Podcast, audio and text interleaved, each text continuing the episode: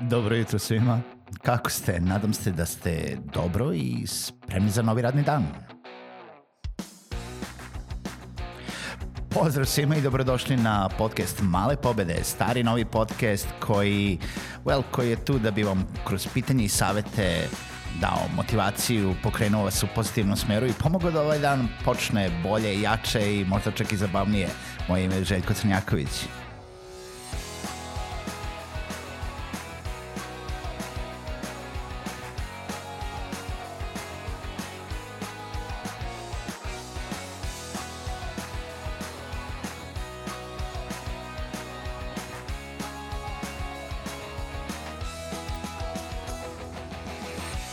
Pozdrav svima, dobro jutro i dobrodošli na novu epizodu podcasta Male pobede. Hvala vam što slušate podcast Male pobede. Nadam se da vam se sviđa i nadam se da izlačite neku vrednost. Posetite sajt malepobede.rs, prijavite se na newsletter ili podržite podcast putem Patreona odlaskom na www.patreon.com kroz male pobede i ostavite vaš prilog i vašu podršku za ovaj podcast ukoliko vam epizode donose neku vrednost.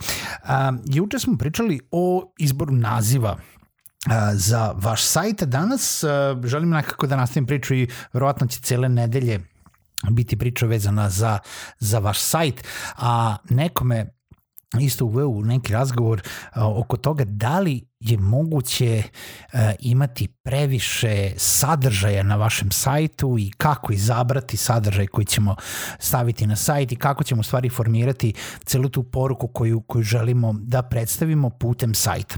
Pa sad tu ima više stavki o kojima treba pričati, o čemu treba razmišljati. Prvo, da li je moguće imati previše sadržaja na sajtu je zapravo možda pogrešno pitanje. Sajt i internet trpi svašta.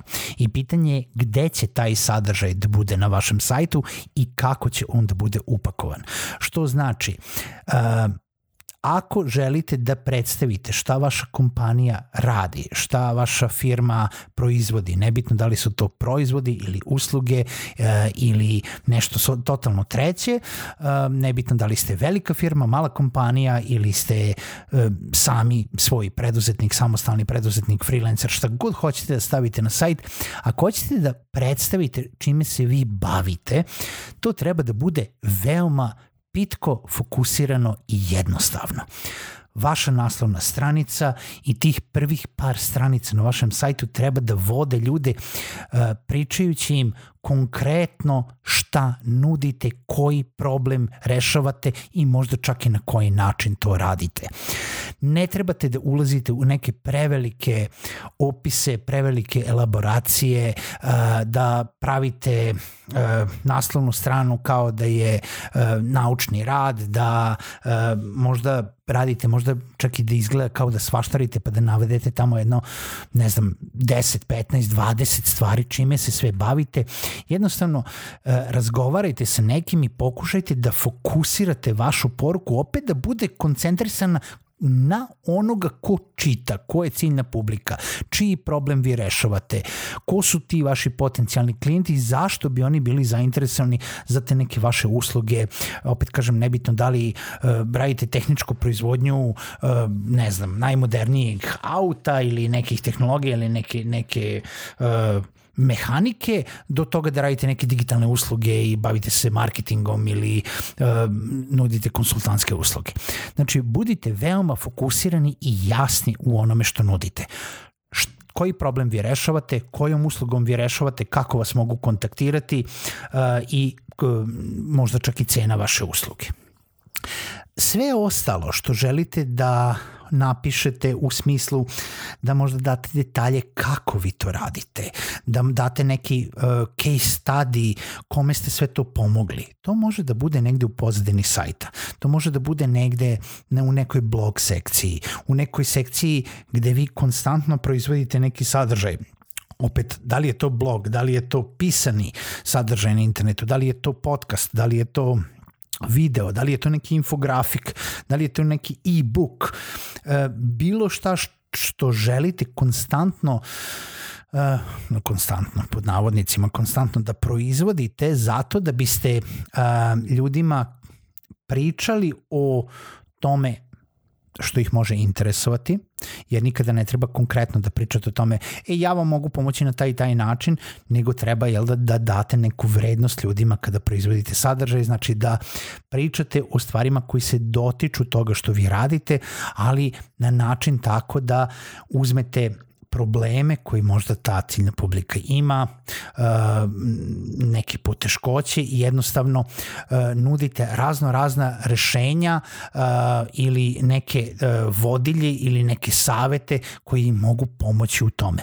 Opet nebitno da li ste u konsultantskim uslugama ili u, u kažem, proizvodnji bicikala kao, kao takve. Znači, to ćete raditi kroz taj sadržaj i taj sadržaj može da trpi sve. Možete da izbacujete taj sadržaj uh, svaki dan, jednom nedeljno, jednom mesečno, koliko god se vi osjećate lagodno da možete da ga izbacujete, ali vaš sajt, vaš, vaša web stranica treba da bude uh, onako što bi dizajne, dizajneri rekli clean. Treba da bude veoma fokusirana na vašu uslugu, na vaš proizvod, na to kako vas, kako ljudi mogu doći do vas, uh, koje, koje su to cene, koje su to usluge, koje su uh, najbitnije stvari koje oni moraju da znaju u saradnji sa vama i to u jednoj do dve, tri stranice. Znači ta naslovna stranica, ta neka contact page, nešto o nama i neš, neki portfolio usluga koji nudimo. I zatim imate tu neku stranicu na kojoj vi možete dalje da punite sve i svašta. I sad ja znam, pošto se bavim uh, explainer videima, bavim se videoprodukcijom tokom godina, tokom poslednjih šest godina proizveli smo više od hiljadu explainer animiranih videa.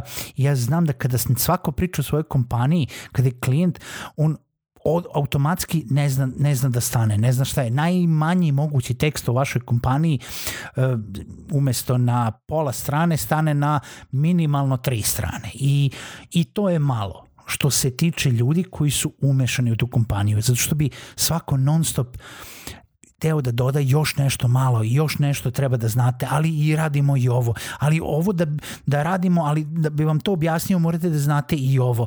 I ovo ću vam najbolje objasniti tako što ću vam dati još pet primera oko toga. Ne. Znači, nije ponekad lako i ne mogu na ovom podcastu da uzmem i da generalizujem stvari, da vam dam jedno magično rešenje koje je to uh, jel da, fokus sadržaja na koji treba da se fokusirate. Uh, koja je to poruka koju treba da se fokusirate jer toliko ljudi uh, ima toliko različitih biznisa koji mogu da slušaju baš ovu epizodu.